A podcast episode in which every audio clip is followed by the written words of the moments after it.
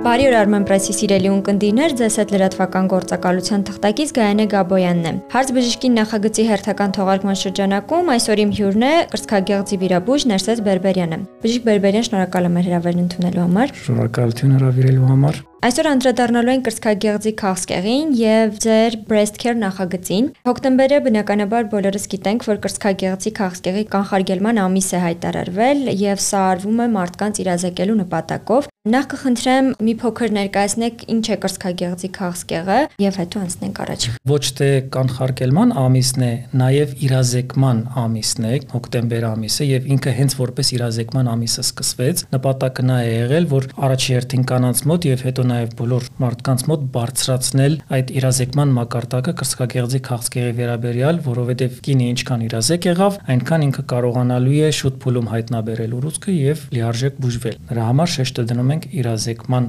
ամսի վրա։ Ինչ է իրենից ներկայացնում կրծքագեղձի քաղցկեղը, ինչպես բոլոր քաղցկեղային հիվանդությունները, դա չարորակ ուռուցք է, որը առաջին հերթին սկսում է աճել կրծքագեղձից, ունի մի քանի տեսակներ, լինում են ագրեսիվ տեսակներ, լինում են մեղմ տեսակներ, որոնք նաև բնորոշվում են են աճի տարբեր արագությամբ, ագրեսիվ տեսակների դեպքում ունենում ենք շատ արագ տարածում, իսկ մեղմ տեսակները կարող են տարիներով մնալ կրծքագեղձում, հետո նոր կամած-կամած աճել դեպի այլ օրգաններ։ Բուժման մի քանի տեսակներ կան, բուժումը համալիր մոտեցում է պահանջում, մեկ մասնագետի գործ չէ, այստեղ մի ամբողջ թիմ պետք է աշխատի, եւ քիմիոթերապևտը, եւ վիրաբույժը, եւ ճարագայտային բժիշկը, եւ բացի դրանից հետո նաեւ պետք է ունենանք լավ մասնագիտացված բուժքույր այդ ամբողջ ընթացքի համար։ Եվ այդպես բավական բավականին բարդ հիվանդություն է, ցավոք սրտի առաջատար դիրքն է զբաղեցնում քաղցկեղային հիվանդությունների շարքում եւ տղամարդկանց եւ կանանց մոտ։ Չնայած որ բացառապես կանանց մոտ է հանդիպում, բայց այնքան շատ է տարածված, որ երկու սերերի մոտ համարվում է թիվ 1-ը, սկսած 2021 թվականից, շրջանցելով թոքերի քաղցկեղը։ Բայց ի տարբերություն թոքի քաղցկեղին, որը ունի բավականին բարձր մահացելիություն, կրծքագեղձի քաղցկեղի դեպքում մահացելիությունը այդքան բարձր չէ եւ դա իշնորիվ վաղ հայտնաբերման, միայն եւ միայն վաղ փուլերում հայտնաբերման համար։ Այստեղ հարկ է նշել եւս մեկ ցուցանիշ, որը որ շատ կարեւոր է, զարգացած երկրներում, արևմտյան երկրներում, որտեղ պետական ծրագրերը գործում են, կրծքագեղձի սկրինինգային ծրագրերը, այնտեղ մահացելիության ցուցանիշները շատ ցածր են։ Բժիշկ Բերբերյան, որ կլինիկական նշանները կարող են հուշել կրծքագեղձի քաղցկեղ ունենալու մասին։ Մի քանի ախտանշաններ կան, որոնց նկատելու դեպքում անհապաղ պետք է դիմել մասնակետի։ Պտուկի ներքաշվածությունը, պտուկի կողմից արտադրությունը հատկապես արյունային բնույթի, կրծքագեղձի մաշկի վրա լիմոնի կեղև հիշեցնող փոփոխությունը, կրծքագեղձի մաշկի վրա սահմանափակ կամ տարածուն այտուցն ու կարմրությունը, շոշափվող գոյացություն կրծքագեղձում, շոշափվող գոյացություն թևատակում, երբ որ այդ գոյացությունը վաղուց չի եղել, այլ նոր է վերջին շրջանում, վերջին 1 կամ 2 ամսում է հայտ եկել։ Հիմնականում այս նշաններն են կամ մաշկի քաշվածությունը կրծքի վրա, երբ որ հատկապես ձեռքերը բարձրացնում ենք վերև եւ նկատում ենք այդ հատվածում մաշկը քաշվում է։ Բայց պետք է հիշել, որ այդ նշանները չեն խոսում վաղ հիվանդության փուլի մասին եւ որպես կանոն կրծքագեղձի քաղցկեղը ամենավաղ առաջին փուլում ոչ մի նշան էլ չունի։ listening. Շատ լավ։ Խոսենք Հայաստանում բուժման արդյունավետության մասին, որքան տեղյակ եմ Հայաստանում բավականին բարձր արդյունքներ են գրանցվել։ Դուք ինչ կասեք այս պահին մեզ մոտ ինչ պատկեր ունենք։ Հատկապես վերջին մի քանի տարին, 3-4 տարին բավականին լավ արդյունքներ են գրանցել, որովհետև շատ է խոսվում արդեն վերջի տարիներին սկրինինգի կարևորության մասին եւ կանայք ավելի ու ավելի են սկսել դիմել պրոֆիլակտիկ հետազոտություններին, նաեւ գործում է սոցփաթեթը, որի շրջանակներում պարտադիր ստուգվում է նաեւ կրծքագեղձը, հնարավորություն կա անցնելու մամոգրաֆիա, դա եւս խթան է հանդիսանում շուտ հայտնաբերելու համար եւ նաեւ որոշակի ծրագրեր են առաջ քաշվել ագրեսիվ տեսակի ուռուցքների ժամանակ տրամադրել կանանց անվճար դեղորայք, որը բավականին թանկ է, բայց առանց այդ դեղորայքի լիարժեք բուժում չի լինի։ Կյանք փրկող ծրագրեր են, այդ ծրագրերից մեկը հենց հերցեպտինի ծրագիրն է եւ եթե հայտնաբերվում է ուռուցք, որը հերդրական տեսակն է, ապա պետությունը տրամադրում է այդ թանկարժեք դեղը դա եւս օգնեց, որպեսի լավ արդյունքներ գրանցենք։ Իսկ միջազգային դաշտի հետ համեմատած Հայաստանում իրավիճակը ինչպես կգնահատեք։ Ինչպես բոլոր տեղերում հայտնաբերելիությունը, այսինքն կրսկագեղձի քաղցկեղի տարածվածությունը նույնն է, առաջատարն է եւ համարյա 25%-ից մինչեւ 30%-ի սահմաններում տատանվում է, այսինքն յուրաքանչյուր 8-րդ կնոջից մեկի մոտ կյանքի ընթացքում հավանականությունը կա առաջանալու կրծքագեղձի քաղցկեղ։ Բայց տարբերություն կա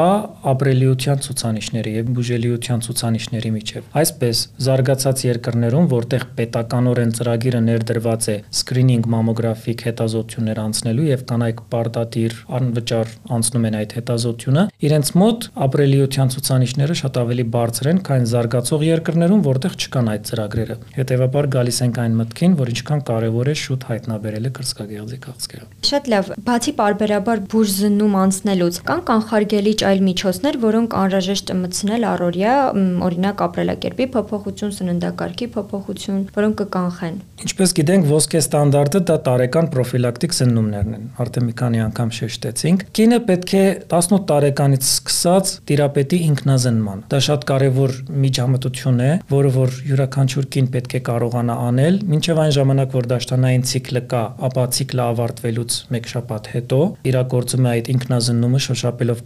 կրծքագեղձերը ամիսը մեկ անգամ, որպեսզի կարողանա նախ ճանաչել կրծքագեղձերի հյուսվածքը եւ հետո, եթե ինչ որ փոքրիկ նոր բան է հայտնաբերվում, ինքը կարողանա դա շատ շուտ հայտնաբերել եւ դիմել մասնակետի։ Իսկ արդեն դաշտանադատարում գտնվող կանանց դեպքում ուղղակի օրացուցային օր է ընտրվում եւ ամեն ամիս այդ գործողությունը արվում է։ Ուրեմն տիրապետել ինքնազնմանը շատ կարևոր ֆակտոր է ճարպակալումը, որպես ռիսկի գործոն եւ բնականաբար խորհուրդ է տրվում ֆիզիկական չափավոր ծանրաբեռնվածություն, սպորտով զբաղվել եւ հատկապես դաշտանադատարից հետո խուսափել ճարպակալումից, ինչը շատ հաճախ տեսնում ենք մեր հայ կանանց մոտ։ Ճարպակալումը դա լուրջ խնդիր է եւ էստրոգենները, որոնք արտադրվում են այդ ճարպային շերտից, դրանք են խտան հանդիսանում հետագայում կրծքագեղձի քաղցկեղ առաջացման։ Կանխարգելման համար շատ բան չունենք ցավոք սրտի, որովհետև չգիտենք էլ հստակ հիմնական պատճառները, որոնցից առաջանում է կրծքագեղձի քաղցկեղը։ Ժառանգականորեն նախատրամադրվածության պայմանավորված քաղցկեղները ընդամենը կրծքագեղձի քաղցկեղների 20%-ն են կազմում, մնացածը բոլորը սպորադիկ դեպքեր են, այսինքն կապ չունեն ժառանգության հետ։ Իհարկե միջավայրի ախտոտվածությունը, սնունդը, որը ընդունում ենք, միջավայրի ազդող գործոնները այս ամեն ինչը կարող են վնասակար ազդակներ հանդիսանալ եւ ինչ որ մի этаպում մուտացիա առաջացնելու եւ կրծքագեղձի քաղցկեղ ձևավորելու, բայց մենք դեռ հստակ պատճառը չգիտենք։ Շատ լավ, անդրադառնանք breast care նախագծին։ Կխնդրեմ մանրամասնեք ինչ է նախագիծ իրենից ներկայացնում եւ ինչ հնարավորություններ է տալիս։ Ուրեմն breast care-ը դա նախագիծ է, որը համախմբում է մի շարք պրոֆեսիոնալ մասնագետների այս ոլորտում եւ առաջատար կենտրոնների։ Նախագիծը ղեկավարում եմ ես եւ իմաստը նա է, որ կինը care-ի շրջանակներում կարող է բոլոր տեսակի աջակցությունները ստանալ կրծքագեղձի հետ կապված ցանկացած խնդրի։ Սկսած սկրինինգ պրոֆիլակտիկ զննումներից վերջացրած ամենաբարդ օնկոպլաստիկ վիրահատությունների։ Այսպես գիտենք, որ կրծքագեղձի քաղցկեղի համար շատ կարևոր դեր է զբաղեցնում սկրինինգը։ Դրա համար care-ի շրջանակներում առաջատար կենտրոններում կան լավագույն սարքավորումները մամոգրաֆիկ, որտեղ հնարավոր է անցնել այդ պրոֆիլակտիկ զննումները։ Ցավոք մենք հնարավորություն չունենք դա անցկացնելու անվճար, որովհետև դա պետական ծրագիր է պահանջում, բայց մեր շրջանակներում գոնե ինչ որ չափով մատչելի կարողանում ենք որակյալ սկրինինգ հետազոտություն անցկացնել եւ նաեւ կրծքագեղձի քաղցկեղ հայտնաբերելու դեպքում ապահովել ճիշտ մուլտիդիսցիպլինար բուժում, այսինքն այդ ամբողջ թիմը, որը որ աշխատում է կրծքագեղձի բուժման վրա, breast care-ի նախագծի շրջանակներում ապահովելու է ճիշտ բուժման ընթացքը, որտեղ բուժումը դա մի թղթա է, մի քանի этаպներից կազմված եւ շատ կարեւոր է ճիշտ ախտորոշում, ուռուցքի ճիշտ տեսակի որոշում, որի հիման վրա կդրվի ամբողջ բուժման մարտավարությունը եւ ընթացքում այդ ամբողջ վերահսկողությունը կիրականացվի։ Ապահովելով կնոջը վաղ հայտնաբերում եւ ճիշտ բուժում, մենք բերում ենք նրան, որ հասնում ենք բուժելիության համարյա 100% ցուցանիշին։ Երկրորդ կարևոր խումբը, որը որ breast care-ի նախագծի շրջանակներում դա ծննդաբերելուց հետո կամ հղիության ընթացքում եւ ծննդ ծննդաբերելուց հետո առաջացած խնդիրները, որտեղ հաճախ կանայք ծննդաբերելուց հետո չգիտեն թե ինչպես պետք է ճիշտ կերակրել երեխային, ինչպես պետք է խուսափել խնդիրներից եւ ունենում ենք լիքը բարդություններ, մաստիտներ, բորբոքային խնդիրներ, որոնք հաճախ ավարտվում են կամ վիրահատական միջամտություններով կամ կինը հրաժարվում է այլևս կերակրել երեխային, ինչը ցավալի է։ Մենք care-ի շրջանակներում կարող ենք այդ ճիշտ խորհրդատվությունը մատուցել կնոջը սկսած հղիությունից, իրականացնել սկրինինգ հետազոտություններ, հայտնաբերելու համար արդյոք խնդիր կարող է առաջանալ ծննդաբերելուց հետո կերակրման ընթացքում կամ ոչ, կամ եթե խնդիրը կա, ճիշտ մասնագետների հետ եւ կերակրման մասնագետներ եւ գինեկոլոգներ եւ մամոլոգներ այս բոլորով իրականացնենք ճիշտ բուժման ընթացքը որպեսզի կինը կարողանա հանգիստ կերակրել եւ բացի դրանից նաեւ հասնում ենք օնկոպլաստիկ վիրահատությունների շարքին կրծքագեղձի վերականգնողական վիրահատություններ կանայք պետք է իմանան որ կրծքագեղձի դեպքում հատկապես քաղցկեղի դեպքում այն դադավճիռ չէ պարտադիր չէ կուրծքը ամբողջովին կորցնի այսօր այնքան նոր միջամտություններ կան վիրահատական որոնց ընթացքում հնարավոր է եւ կուրծքը պահպանել եւ արտաքին տեսքը պահպանել եւ ուռուցքը հեռացնել, այնպես որ այդ թիմն էլ կա, որը որ կնոջը կտրամադրի այդ ամբողջ ինֆորմացիան, որպեսզի ինքը ընտրի ճիշտ վիրահատական միջամտություն կարողանա պահպանել կրծքագեղձը։ Եվ ընդհանուր առմամբ breast care-ը դա այն ամենն է, ինչ վերաբերում է կրծքագեղձին։ Այդ նախագծում կինը կարող է բոլոր հարցերի պատասխանը ստանալ կրծքագեղձի հետ կապված, եւ պրոֆիլակտիկ, եւ բուժական, եւ քաղցկեղի, եւ բոլոր դեպքերում։ Շատ լավ, բժիշկ Բերբերյան, եթե կրծք ընթացքում արկա է ֆիբրոզ կիստոզ փոփոխություն, որքանով է ռիսկը մեծ, որ այն կարող է վերափոխվել ուռուցքի։ Ֆիբրոզ կիստոզ փոփոխությունները ամենահաճախ հանդիպող փոփոխություններն են հատկապես երիտասարդ կանանց մոտ եւ շատ են այդ հարցերը միշտ տալիս կանայք արդյոք դա խնդիր է. Ֆիբրոզ կիստոզ փոփոխությունները դրանք բարորակ փոփոխություններ են որպես կանոն չեն վերածվում քաղցկեղի եթե կնոջ մոտ չկա այդ ռիսկային ֆակտորը այսինքն մայրիկ տատիկ ունեցել է կրծքագեղձի քաղցկեղ հիմնականում բարորակ փոփոխություններ են ջրային պարկերի կիստաների կամ հյուսվածքի խտացման ֆիբրոզի ձևով գանգատները Ծնողները հիմնականում լինում են ցավ, հատկապես դաշտանային ցիկլից անմիջապես առաջ, ընթացքում եւ անմիջապես հետո, ցավը սրվում է, հետո մեղմանում է, անցնում է այդ մաստոպատիկ ցավերը։ Ֆիբրոզ կիստոզ փոփոխությունները այնքանով են մեզ խնդիր առաջացնում, որ կարող են թաքցնել բուն սկսվող քաղցկեղային process-ը։ Դրա համար, երբ որ կնոջ մոտ արկա է խառը տիպի կրծքագեղձ, արկա են շատ կիստաներ կամ ֆիբրոզ փոփոխություններ, մի քիչ ավելի ուշադիր ենք լինում, որ հանկարծ բաց չթողենք տակից ինչ որ նոր առաջացող կրծքագեղձի քաղցկեղի process։ Իսկ ավելի մեծահասակ կանանց մոտ արդեն հիմնականում կուրծքը լինում է ճարպային կառուցվածքի, այդ ամեն ինչը շատ ավելի հեշտ է լինում հայտնաբերելը, այնպես որ պետք չէ վախենալ կիստաներից եւ ֆիբրոզ փոփոխություններից, դրանք նորմալ են։ Եթե ցավերը շատ են, ուղղակի կոնսերվատիվ բուժում եւ այդ ցավերը մեղմացնող բուժումներ կան։ Շատ լավ, նաեւ շատ են հարցերը, արդյոք կիստաների դեպքում անվտանգ է լազերային մազահեռացում իրականացնելը։ Այո, լազերային մազահեռացումը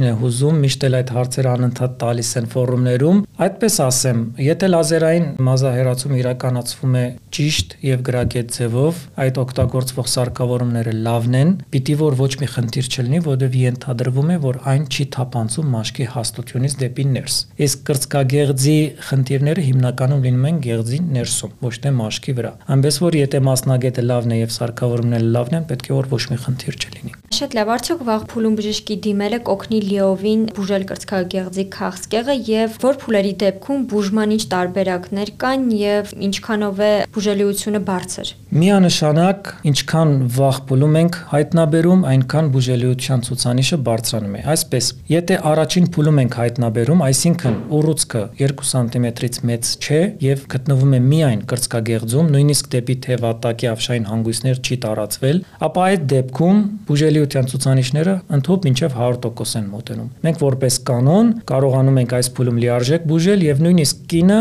բարդ քիմիոթերապիաների չի գնա, այսինքն նա այդ քիմիոթերապևտիկ բուժմանը չի հասնի ընդհանրապես վիրահատություն եւ ճարագայթ Երկրորդ եւ երրորդ փուլերը, երբ որ ուռուցքը մի փոքր ավելի մեծ է, արդեն տարածվել է դեպի թևատակի ավշային հանգույցները։ Այս դեպքում իևս բուժելիության բարձր ցուցանիշներ ունենք, բայց ոչ այնքան ինչքան առաջին փուլում եւ այստեղ արդեն կախված է նաեւ ուռուցքի ագրեսիվությունից։ Եթե գործ ունենք շատ ագրեսիվ ուռուցքների հետ, որոնք արագ են տարածվում եւ արագ են մետաստազավորվում, այս դեպքում մի փոքր ավելի ցածր է ցուցանիշը։ Իսկ ցավոք 4-րդ փուլում դա այն տարածված ուռուցքն է, երբ որ արդեն դեպի այլ օրգաններ են տարածվել քաղցկեղային բջիջները, այս դեպքում մենք չենք խոսում բուժվելու մասին, այլ ընդամենը լավագույն դեպքում կարողանալու ենք այդ process-ը կանգնեցնել եւ կնոջ կյանքը երկարացնել։ Դրա համար պետք է խուսափել 4-րդ փուլ հասնելուն ու ինչքան հնարավոր է պետք է կարողանանք առաջին փուլում հայտնաբերել ուռուցքը։ Շատ լավ չնայած դուք ընթացքում խորհուրդներ նշեցիք, բայց ամփոփելով մեր զրույցը կխնդրեմ առանձնացնել երեք կարևոր խորհուրդ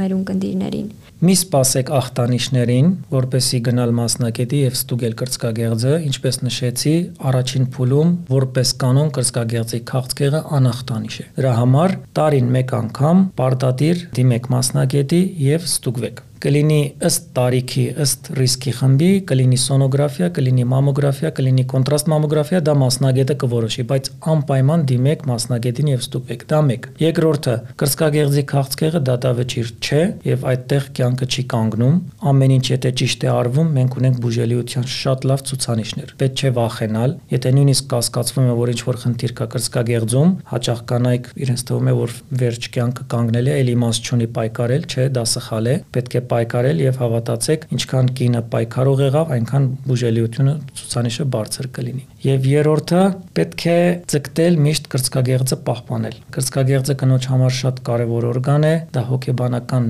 մեծ ստրես է կրծքագեղձը կորցնելը։ Այսօր մենք ունենք բոլոր հնարավորությունները պահպանելու կրծքագեղձը, վերականգնելու կրծքագեղձը, ուղղակի օգնեք մեզ, որպեսզի կարողանանք դա իրագործել։ Շնորհակալ եմ զրույցի համար։ Շնորհակալություն։